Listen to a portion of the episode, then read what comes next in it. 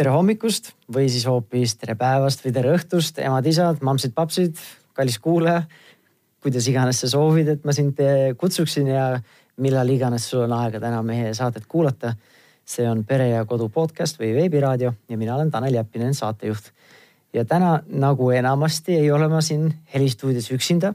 täna on mul külaliseks Vaike Pähn. tervist. tere. ja Vaike on Tallinna naiste naiste tugikeskuse juhataja. sai õigesti? nii, nii.. ja, ja täna siis me räägime sellisest nagu ma ütleks õige võrdlemisi tõsisest teemast, et suhtevägivallast ja, ja kuidas siis äh, seda nagu ära tunda, kuna siis on normaalne selline võib-olla lahkhelide lahendamine, kuna siis äh, muutub vägivaldseks, mida siis teha, kust abi otsida. Ja, ja kõikidest nendest teemadest, mis iganes meil siis nii-öelda avaneb selle, selle raames ja eks see enamasti ei ole ikka nii, et lähisuhted ju algavad alati ülevate emotsioonidega, armumine ja kõik on ilus ja partner on täiuslik ja suhe on täiuslik ja aga mingil hetkel need suhe hakkab nagu normaliseeruma ja kahjuks mõnikord siis äh, muutub see suhe ka nii-öelda ebatervislikuks äh, mingite käitumismustrite esinemisena. et äh, ilmselt sina äh,, Vaiko, puutud sellega päris sagedasti kokku, mina olen äh, teatud käitumismustreid lapsepõlves näinud äh, oma vanemate pealt, mis võib-olla ei ole väga õiged, oled näinud neid kõrvalt äh, ja nii edasi. tahaks loota, et mu enda peres neid ei ole, aga vahepeal on enda silmas ka võib-olla raske seda pindu näha. eks nüüd, kui see vägivalla teema on rohkem teadvustatud ja inimesed rohkem teavad, osatakse ka märgata, et need asjad, mis nagu pidasime kunagi päris loomulikuks, ei olegi nii väga loomulik. jah või ma ei tea, kas sa räägid seda Me Too või mina ka seda liikumist või? ei, ei, ma mõtlen lihtsalt, lihtsalt kõike, kõike noh, ma ei tea, mina ise arvan, et kui ma ikka natuke füüsiliselt karistada sain lapsepõlves, siis ei pidanud ma seda kuidagi ja. väga teistsuguseks, mis praegu ei ole üldsegi noh no lastekaitseseadus nüüd nagu vähemalt ütleb, et ei tohiks füüsilist vägivalda kasutada laste puhul, aga jah, et, ei tohi, ma ütlen sellepärast ei tohiks, et, et see ei tähenda, et seda ei juhtu ja see ei tähenda, et nii mõnigi vanem tegelikult ise salamisi või nii-öelda hinges ikkagi nagu ei õigusta seda käitumist. nii ta on, päris paljud ju ikkagi ju tunnistavad, et, et see ongi üks kasvatusmeetod. jah, et ähm, aga see, mis mina nagu viitasin ja mis minul sinu kommentaariga tuli meelde, on just see, see mina ka või me too movement, et sellega nagu vahepeal ongi selline seisukoht meesterahvana. et nagu võtabki juba nagu suhtes sellise spontaansuse ära, et ongi, kui me nüüd hakkame võib-olla hakkame nii-öelda kohtingul käima mingi potentsiaalse partneriga, et siis nagu, mis on nagu okei okay ja mis mitte, et, et paljud asjad, mis, kas ma nüüd spontaanselt tohin üldse midagi teha või ei tohi, et siis, et see vahepeal tundub küll, et kas meedia või midagi muud nagu kõrvaltvaatajana tundub, et keerab nagu üle vindi, et nagu ei oskagi enam midagi teha või ei oska isegi midagi arvata nendest asjadest. eks nagu teiste asjadega minnakse liiale jah, no ma ei oska öelda, kas see on liiale minek, eks see ei ole tõsine, see on samamoodi väga tõsine teema. on tõsine teema ja, ja eks, eks see, see vajabki, ütleme naiste mm, haritust, naiste noh, mitte selles mõttes haritust, et haridus on sealt taga, aga et on teadlikud, teadlikud oma minast ja oma ei ütlemisest mm. -hmm aga vahepeal võib küll tunne tekkida, et see pendel nagu läheb ühest äärmusest väga teise äärmusesse, et, et loodetavasti jõuab kuskile kesk, keskele sinna, mis on võib-olla nagu mõistusepärane, aga võib-olla, võib-olla see, mis praegu on, on ka mõistusepärane, lihtsalt meie enda selline kontekst on väga erinev. vot, aga räägime siis selle paari suhte sellest teemast, sest see, see me too ja see mina ka liikumine, see enamasti vist ei ole seotud lähisuhtega. vähemalt väga traditsioon, sellest põhi, põhilises mõttes noh, eks meil on siin omad probleemid ja omad asjad yeah. meie oma kodu, kodumaal ja, ja meie, meie rahvuse hulgas. et, et kõik ju hakkab ilusasti sellisest armumisest ja, ja võib-ollagi nende neidude õhkamisest, et vaata, kuidas mind eh, armastatakse, kuidas mind eh, noh, nagu iga kord oodatakse, kontrollid, noh, ta nagu, mitte kont-, siis ei mõeldagi kontrolli nagu üle. ja, ja, ja kaitseb, hoolib ja kõik ilusad, ilusad mõtted, mis sealt on ja, ja ei märgatagi, kui see asi läheb liiale mm. -hmm. et see, mis oli alguses kuidagi nii ilus, võib muutuda ei pruugi, aga võib muutuda Toksiliseks. täiesti, täiesti jah, selliseks mürgiseks asjaks. aga sinu enda kogemusena siis selle tugikeskuse juhatajana, ma saan aru, sa ise oled nii-öelda ei ole ainult kuskil seal kontoris kuskil. ei hoopiski mitte. jalad seinal, aga sa tegelikult ise toetad ja võtad neid kõnesid vastu ja, ja nii edasi. mis on sellised, noh, teie keskendute enamasti nais, naistele, aga mis on, no ütleme siis, võtame siis naiste seisukohast, mis on sellised kõige sagedasemad äh, murekohad äh,, mustrid, millega te igapäevaselt kokku puutute?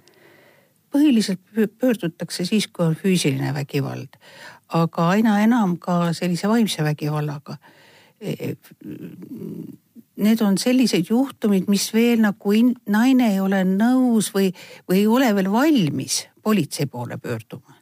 et enne seda ta tuleb, räägib, saab nõustamist, otsustab, mis ta siis edasi teeb mm. -hmm.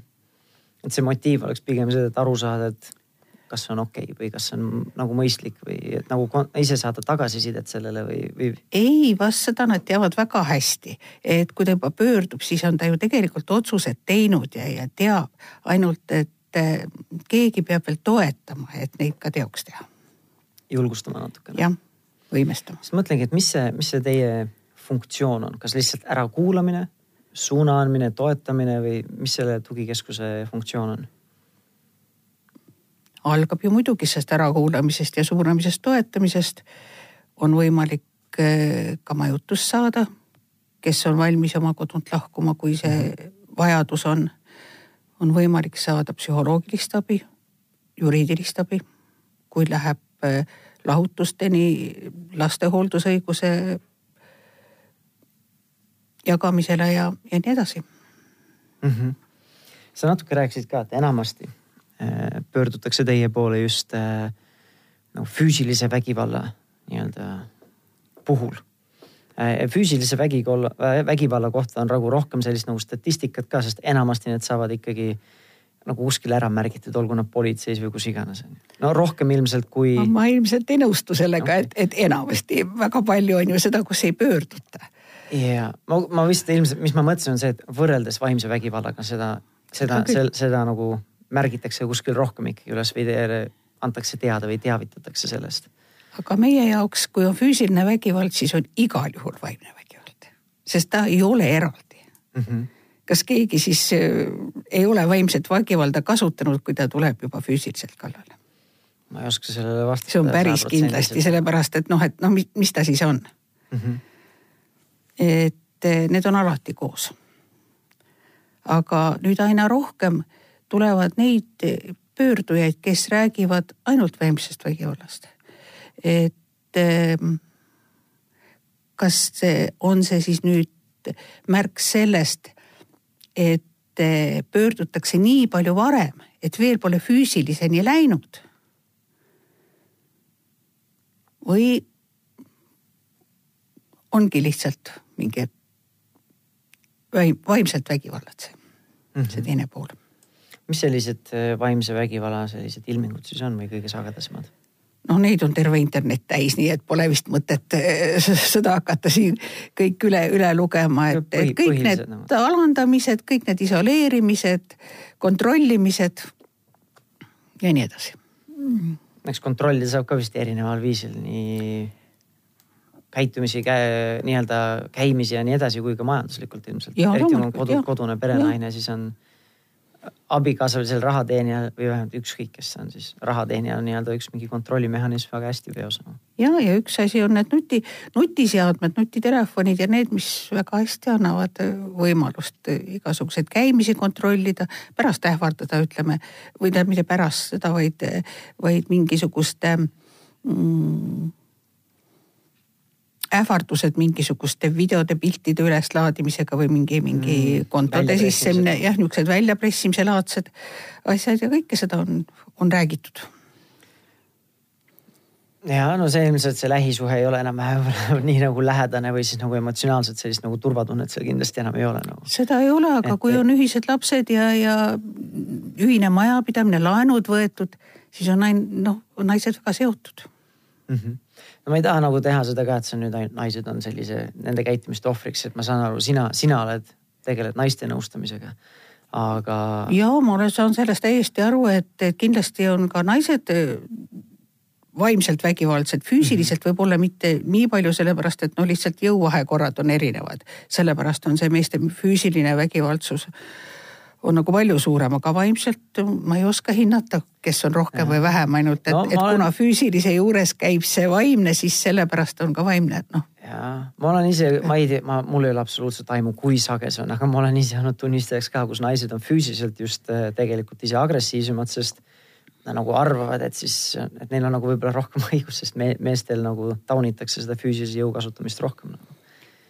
ma ei ütle, et see on levinud, aga ma olen märganud seda, et äh, on, on meestel ka selliseid äh, meeste spetsiifilisi või kuhu siis mees võiks pöörduda, me teame nüüd, kuhu siis naine saaks pöörduda, Tallinna naiste tugikeskus on üks nendest, aga neid ja. kohti on erinevaid. igas maakonnas on üks ja Tallinnas on, neid kogunisti kaks. aga on vist ka teisi organisatsioone, kes toetavad sellisel puhul või ei ole?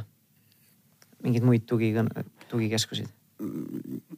Keskusi, no on ema-lapse varjupaik, tähendab mm., need on ka naistele mhm. pöördutud, aga perekeskus, ohvriabi, ohvri. meie riiklik asi, mhm. ohvriabi, jah on siis midagi nagu meeste spetsiifilist ka või mehe, mehed peab leppima siis üldse, üldse üldiste numbritega? no ohvriabis ei ole soopõhine pöördumine tundub, et see on sooneutraalne. täiesti, aga mm, aga ma tean, et on äh, Tallinnas on viha juhtimise grupid ja mm, -hmm. aga ma ei oska nendest nii hästi rääkida. aga mis siis nüüd äh, teha siis selle, kes iganes on, on, on siis ta meesterahvas või naisterahvas. kuidas seda siis nagu ära tunda, et sest ikkagi ju natukene võib-olla lähisuhtes võib olla seda Stockholmi sündroomi ka, et nagu ei taha nagu nagu kas tunnistada või siis ikkagi nagu ju siis ma ise väärisin seda või mis iganes suhtumised võivad seal olla. see on põhiline, see ongi see, miks on nii, nii raske sellest välja tulla. et kuidas siis nagu märgata, et see, mis toimub, ei ole, ei ole nagu terve, et sest mingid tülid ja sellist nagu Liismaa nagu tülid ja lahkhelid, see on ikka ma ütleks, mina ütleks, et see käib nagu suhete juurde. jaa, loomulikult. et kuidas see väljendub lihtsalt, see on väga erinev eks sellise no füüsilise vägivalla puhul on selge, eks ja. ole, aga nüüd vaimse vägivalla puhul on äh, asi selles, et ähm, seda on väga raske hinnata. no ohver peaks või noh, see, see pool, kes ke,, kelle suhtes on vägivald. Äh, see sõltub tema enda sellisest tundest, tema kas hirmust või, või kui tema jaoks on see okei okay,, siis see on normaliseeritud, võib-olla, võib-olla tema päritolu peres käitutigi niimoodi mm -hmm. ja, ja ta ei, ta ei tunne ennast kuidagi ohvrina. aga sealsamas, kui lähevad kokku, saavad kokku kaks inimest, kus üks on natukene sellisest ma ei taha nüüd öelda vägivaldsemast, vaid vaid sellises. iseloomuga lapsepõlvest. jah, sellises, sellises peres, kus no kasutati igasuguseid sõnu ja, ja, ja, ja, ja tema jaoks on see normaalne. ja, ja teine inimese, teise inimese jaoks on see juba väga suur vägivald. ta, ta tunneb ennast ju väga halvasti, ta tunneb ennast alandatuna mm. -hmm ja, ja, ja öelda, et noh, näed, et siin peres öeldi niimoodi, aga teises peres on see normaalne. jah, et see piir see ongi... läheb siin, et järelikult see ei ole midagi, mis sinul toimub see, see on tunde küsimus ja siin ongi nagu väga-väga-väga oluline, kuidas, et kas, kas on, kas sul on hirm, kas sa tunned ennast alandatuna või, või, või mis, mis on need, need tunded, mis sellel naisel, noh, antud juhul, eks ole, ma räägin nagu naiste poole pealt, et naisel on. ja, ja siin, siin ongi, siin ongi sellist otsest öelda, et see on vägivald ja teine ei ole, ei saa ju öelda, eriti vaimse vägivalla puhul mm. -hmm. muidugi on olemas sellised psühhopaadid, kes no täiesti hulle asju teevad, aga, aga noh, need on üksikud. no see on väga hea, et sa nagu ära märkisid selle, sest see on üks asi, millega ma ise olen nagu kokku puutunud just sellepärast, et me tuleme naisega väga erinevatest peredest, kus ühes peres siis nagu emotsioone alati elati välja äh,. mitte alati võib-olla kõige tervislikumal viisil, aga ikkagi elati nagu välja ja siis teisel pool oli siis pigem nii-öelda kõik suruti maha ja vaikiti maha ja need emotsiooni väljapursked või väljaelamised olid väga harvad ja kui need juhtusid, siis see oli midagi väga suurt juba äh,. ja see ongi see, et mina olin siis sellest esimesest kontekstist tulnud ja see ongi, et minu jaoks see, mis, kuidas mina käitusin, kui ma häält tõstsin, see on nagu täitsa normaalne, see ei ole mitte midagi nagu minu skaalal nagu.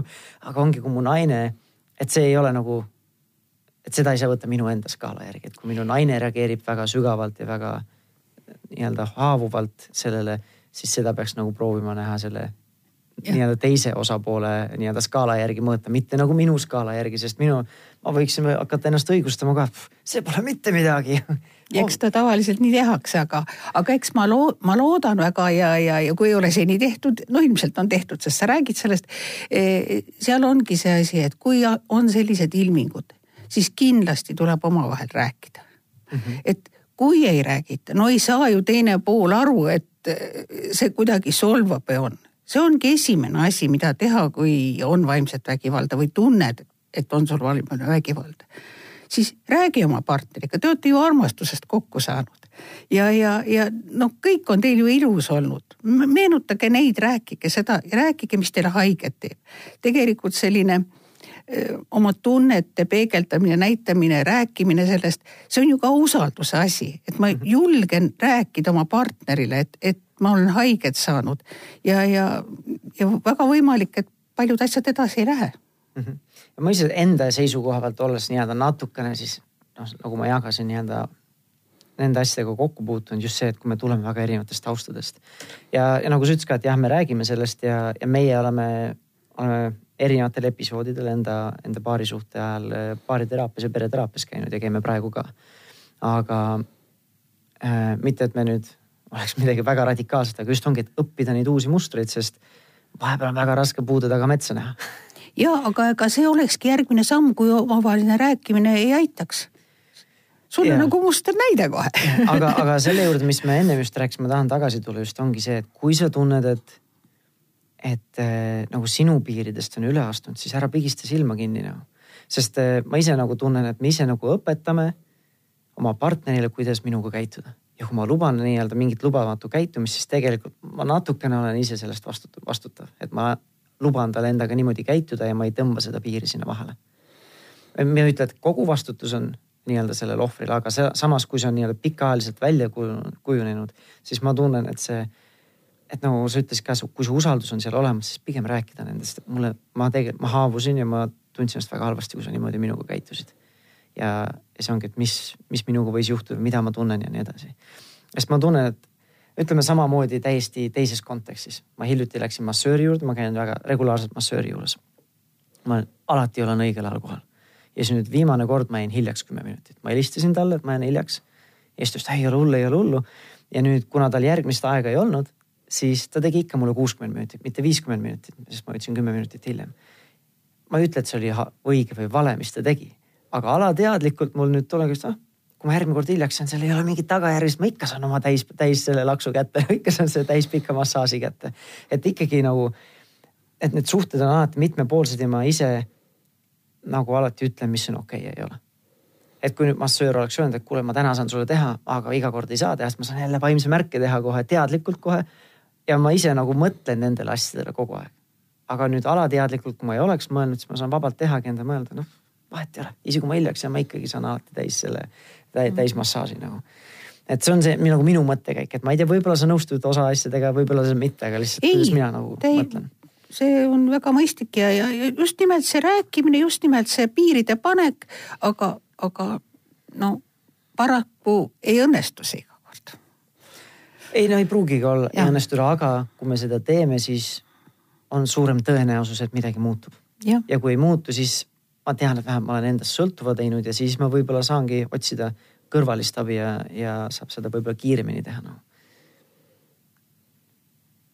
või mis sa mõtled? nii ta on. aga mis siis nagu teha, et kuidas siis seda, kuidas siis seda teha, et ongi, et ma, olgu see siis pikka aega midagi toimunud ja nüüd kuulaja kuuleb, et jah, et on tegelikult mingid mustrid, mida, millega nagu ma ei nõustu ja mis tegelikult haavab mind ja, ja võib-olla minu enda väärtust või enesehinnangut või mis iganes ta mõjutab, on ju kuidas seda siis teha nagu?? eks võib-olla täna õhtul tuleb juba siis võtta see jututeemaks mm. -hmm. on sul mingid nõuanded ka, et kuidas seda teha, et see teine kohe ei hakka kaitsepositsiooni või ründavat positsiooni võtma? No eks see vist igast perest sõltub ja, ja kuidas, kuidas seal on kombeks, ei, ei, ei oska ma nagu praegu üldist niisugust mm, mudelit öelda, kuidas seda peaks tegema. aga kui lihtsalt peegeldada oma tundeid, mis, mis just, mis see inimene on tundnud, on ta haavunud, on ta solvatud, on ta mingi sõna peale pahane, on ta või on juba mingisugused suuremad ja, ja rohkem neid märkusi, mis, mis ta, mis ta nagu, mida ta tahab öelda mm. -hmm ilmselt võtmesõna ongi see, et nagu rääkida rohkem, peegeldada enda tundeid, mitte see, et nimelt, sina et mingil juhul, mingil juhul mitte süüdistada, et sina oled vägivallatseja, no see kohe sina on teine. kõige põhjus jah, siis on kohe inimene lukus, eks ole, et mm, -hmm. et aga, aga sa teed mulle haiget. ja enda kogemusest öelda, et neid asju on alati kõige parem arutada siis, kui on emotsioonid on vaibunud ja emotsioonid on ma maas, mitte see, et on e e emotsioonilised nii-öelda kõrge emotsiooniga nii-öelda situatsioonid. vähemalt enda seisukohast ma olen märganud seda, et siis ma ei võta seda infot nii hästi vastu, kui ma võib-olla neutraalsel hetkel võtaksin mm. -hmm. Ja... aga kui sealt, kui sealt ei tule tulemusi või see ei anna midagi, siis ja edasi võiks ju rääkida sellest baariteraapiast, no kas sealt nüüd ka välja tuleb, kui juba omavaheline vestlus ei tule välja. eks sealt edasi ongi võimalus tugikeskuse poole pöörduda ja, ja küsida sealt nõu. noh, baari- ja pereterapeudid, kellega ma olen suhelnud, siis enamasti ütlevad ikka, et see pere- ja baariteraapia on kõige efektiivsem siis, kui mõlemad pooled on. kui mõlemad pooled avatud, soovivad seda. vähemalt avatud, ideaalis isegi motiveeritud nagu. aga ma mõtlengi seda, et, et see vestlus ilmselt ka ei saa olla ainult oma tunnete peegeldamine, aga peaks ikkagi tegema mingi ettepaneku, et mismoodi edaspidi teistmoodi võiks olla, et panna ikkagi mingi piir maha. mitte lihtsalt peegelda, et jah, mul on raske, mul on, mingi käitumine haavab mind või ma tunnen ennast halvasti või haavatuna eh,. aga et võiks ikkagi mingi piiri pea, paika panna, et, järgmine kord võiks see, niimoodi olla need asjad. see, kuidas kuskil peres on. okei okay. Et piirid loomulikult, aga, aga missugused ja millised ei saa ju öelda siia mingisugust valemit mm. -hmm. Äh, kuidas üldse see, no kuna enamus kuulajad on äh, kas ena, enamus kuulajad on meil lastega pered. et kuidas selline peresisene või paari suhte vägivald mõjutab, võime esialgu rääkida üldse neid osalisi ise, seda ohvrit näiteks äh, kui sa oskad jagada võib-olla seda ka, kes on võib-olla see agressiivsem pool, aga siis hiljem ka, et kuidas see need sellised suhted ja sellised ilmingud suhtes äh, mõjutavad ülejäänud peret, lapsi?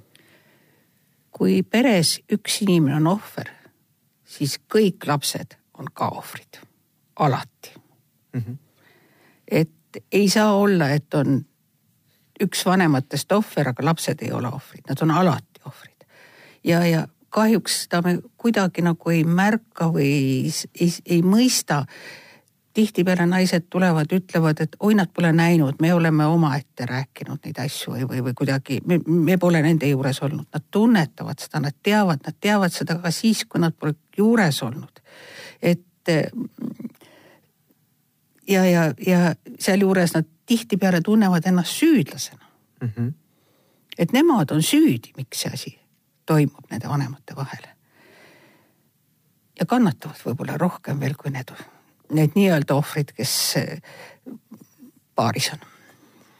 no ilmselt nagu kannatavad võib-olla rohkem ka sellepärast, et seda ei adresseerita, sest kuna nad välja ei näita seda, lihtsalt ongi ise haavuvad siis seesmiselt emotsionaalselt, siis keegi tegelikult, kui ei tegele, ei räägi, ei seleta neid asju, võib-olla nagu ei aita neid haavu ravida ja nii edasi ja, ja isegi seletuste puhul, et, et tihtipeale öeldakse, et, et noh, et lapsele, et sa ei ole, sa ei ole süüdi, see on meie omavaheline asi, kuid nad sisemalt tunnevad ikka, et kuidagi ma olin halb laps, ma ei teinud seda võib-olla sellepärast mm. -hmm. Ja, et see on väga kurb. jah, no minul endal on äh,, vanem laps on nelja-aastane, siis ongi see, et ega sellised üldse eelkooliealised ja võib-olla isegi vanemad lapsed, et ega nad tea, teadlikult ei tunnista, et näe nüüd mina olen süüdi, aga lihtsalt nad tunnevad, jäävad mingid sellised süüd, süüdlaslikud emotsioonid lihtsalt hinge ja, ja nad ise nagu ei tõlgenda seda sellisena. aga lihtsalt jääb see haav nii-öelda sisse. jah, ma ei oska seda teistmoodi ja, lihtsalt seletada aga, aga kus siis nagu piir on, et kas siis nagu üldse ei tohi vaielda lapse juuresolekul või kus siis nagu sest ma nii mõnigi kord, ma ei mäleta, ma ei tea, kas need on terapeudid, aga ikkagi nagu liigub nii-öelda soovitus, et lapsed peavad nägema, kuidas konflikte lahendada, onju. et kus see siis, kus see on siis nii-öelda konstruktiivne konflikti lahendamine, kui üldse on midagi sellist äh, lapse nii-öelda ees või nii-öelda mitte demonstratiivselt lapse ees, et ma ei lähe ekstra sinna ette, aga kui laps on nüüd näiteks samas ruumis ja meil tuleb mingi konflikt naisega. et kus on siis selline konstruktiivne, okei okay konflikt, mida siis laste ees lahendada ja mis on see, mis võib tegelikult siis toksiliselt mõjuda ja nii-öelda haavata last? no kui konflikt on lahendatud, siis ongi see tehtud. kui on mingisugune konflikt ja see ära lahendatakse mm, -hmm. siis on korras ju. kui seesama inimene, kes tunneb, et tema suhtes on vaimne vägivald, kui ta selle ära räägib ja nad võtavad mingi teise mustri, siis ongi see korras.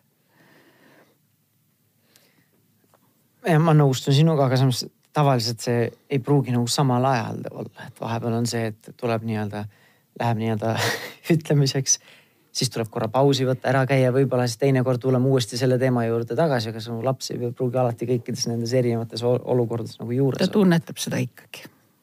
et nüüd on asi korda saanud, nüüd on asi korras, sellepärast et see suhe, see on ju peresuhe kõik, nad on kõik omavahel seotud seda ei pea ju kuidagi nii, et, et siin me riidesime, nüüd me oleme korras, saadakse niisama aru mm. -hmm. igas peres on ju ütlemisi, mingisuguseid riide pahandamisi, mis iganes, lapsekagi pahandatakse, aga, aga, aga siis pärast on ka, et kõik on korras nüüd mm. -hmm. aga sellest me natuke juba rääkisime, aga paneme, et räägime siis nii-öelda nagu konkreetselt, mida siis nagu teha. et üks on, kuhu pöörduda äh,, kust abi otsida, kui, kui sa ise tunned, et see ei ole tervislik suhe, kus sa oled või olgu siis sinu suunas, olgu see laste suunas, kus iganes. aga üks, üks koht, kuhu siis pöörduda, nagu ma saan aru, on Tallinna Naiste Tugikeskus. no see on Tallinnas üks nendest tugikeskustest, on meil veel kriisikodu ka, aga ja igas maakonnas, igas maakonnas on üks. okei okay., ja seda siis peaks leidma guugeldades oma ja, maakonna ja. naiste tugikeskus? jah, igas ja. maakonnas on üks. on see telefoniliin, kuhu saab helistada mm? -hmm on äh, internetiabi on võimalik saada?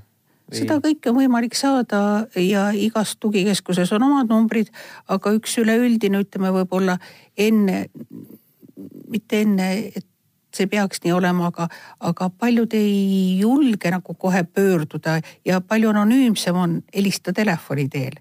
et äh, Eesti Naiste Varjupaikade Liidul on juba üheteistkümnendat aastat lühinumbriga tugitelefon telefoninumbriga üks neli üheksa kaks, kuhu saab siis helistada ja oma probleemist rääkida tasuta mm. -hmm. ning äh, täiesti anonüümselt. Neid kõnesid ei lindistata ja antakse nii palju abi, kui võimalik on ja öeldakse ka neid kohti, kuhu siis oleks äh, mõistlik pöörduda, kui sellest telefonivestlusest ei ole abi. tihtipeale inimesed helistavad mitu korda, enne kui pöörduvad tugikeskusesse. on ikka seda kinnitust vaja ja. kinnitust. julgustamist. julgustamist, mis iganes või lihtsalt endast arusaamist. selge äh,. mida, mida, mida, mida teha või kuidas siis käituda, kui sa võib-olla ise ei ole selles olukorras, aga sa näed kuskil lähikondlane, võib-olla perekonna tuttav, sõber, sõber, sõbranna, mis iganes. kuidas sa siis soovitad käituda? Oleneb olukorrast, kui seal on füüsiline vägivald, helistada politseisse. kui seal on aimatav, et midagi sellist on, rääkida selle ohvriga, suunata ta kas ohvriabisse või naiste tugikeskusesse. sellele lühinumbrile helistama või kuhu mm, -hmm. et abi otsima pöörduda. aga ütleme niisugust vaimset vägivalda, see ongi see ohvri tunnetuse küsimus, kas ta mhm. tunneb seda või mitte. teemaks tasub võtta. minu jaoks on võib-olla okei okay,, aga tema nii-öelda see taluvuspiir jutumärkides on hoopis kõrgem. ja et, et siin on nagu see niisugune nagu just kuidas, kuidas inimene ise tunneb. väga, väga vahva, et no selles mõttes, et mitte vahva, aga et tore, et sa tulid siia rääkima nendest asjast, need on sellised teemad, mida nagu väga nagu ei taha rääkida. ei, ei taha rääkida ilmselt naisterahvad, no meesterahvana, kui ma oleks selles, sellises olukorras, kui ma oleks vaimse vägivalla ohver, siis ma tahaksin võib-olla veel vähem seda tunnistada. või nii-öelda avalikult sellest, sellest rääkida sõpradega, sõbrannadega või mis iganes. et, ähm, et tore, et sa tulid siia ja andsid siis mingid vähemalt juhised ja suunad, et kust, kus siis abi, abi otsida ja mille, millele nagu mõeldes siis nagu mõelda, et et kas see on nagu okei okay minu jaoks või mitte, sest mul on hästi, nagu ma ütlesin, isiklik kontakt sellega ka, et ma arvan, et see on nagu oluline äh, välja tuua, et, et see, kus see piir läheb, sõltub väga palju sellest inimesest, äh, kes on või ei ole see ohver nagu jah, ja minu arvates on asi selles, et, et see on küll ebamugav rääkida või paha rääkida sellest, aga see see inimeste teadlikkuse tõstmine, et nad, et nad mõtleksid selle peale, see on ju kogu aeg toiminud ja, ja me oleme ju jõudnud siia, et, et see on avalikult räägitav asi, mis enne oli täiesti tabu. no eks nii-öelda see ühiskond ikka natukene areneb edasi, järjest avatuma ühiskonna suunas me nagu liigume, me tahame liikuda eh,. nii et siis eh, põhiline koht, kuhu sina soovitad pöörduda, oleks siis piirkondlik naiste tugikeskus jah, kui on naisterahvad need, kes seda, seda. siis kordame siis üles meesterahva puhul, mis on see koht, kuhu võiks pöörduda? ma arvan, et ohvriabisse. ohvriabi. noh, naised samuti võivad ohvriabisse pöörduda, aga, aga noh, see on nende valik mm, -hmm. kuhu minna. on äh, mingi teema või mingi märkus, Vaike, veel jäänud nagu ütlemata, mida sa tahaksid nagu rõhutada, enne kui me siis äh, otsad kokku tõmbame? et kui keegi tunneb, et ta oleks nagu ohver või pole, siis pigem mingu otsigu abi, helistagu, kui jääb ootama, et see verulemaks läheb. kahjuks äh, vägivallal on, on äh, võime ja soodumus seda kogu aeg nagu akumuleeruda ja, ja aina suur, noh nagu uuesti suuremaks teha. ilmselt eriti just siis, kui sellele tähelepanu ei pöörata. just nii. väga hea, suur aitäh sulle, Vaike, et sa tulid oma ekspertiisi ja mõtteid jagama. ja loodame, et kõik, kui keegi peaks olema sellises olukorras, et siis ta, et siis ta leiab selle tee äh, õige abini ja õige toeni. aitäh ja vägivallatut elu teile meile kõigile. aitäh. ja sulle ka kuulaja, et äh, nagu ma ütlesin, et kui sa tead kedagi või sa ise oled mingis sellises situatsioonis, siis äh, ära, ära kahtle abi küsida ja abi otsida. ja kui sa üldse mingitel pereteemadel soovid rohkem infot saada eh, või artikleid lugeda, neid veebiraadiosaateid kuulata, siis eh, suundu siis Pere ja Kodu veebiväljaandesse või siis Delfi veebiväljaandesse ja Facebooki lehtedele, kus kõik neid infosid ja kõiki neid artikleid päevas mitu korda jagatakse ja seal on nii mõnigi kord eh, päris häid artikleid, mis kõnetab, kõnetab ka sind, ma, usun. vot, aga suur aitäh sulle kuulamast ja järgmises saates kuulame, kohtume sinuga siis juba uue ja värske teemaga. teeme nii, kohtumiseni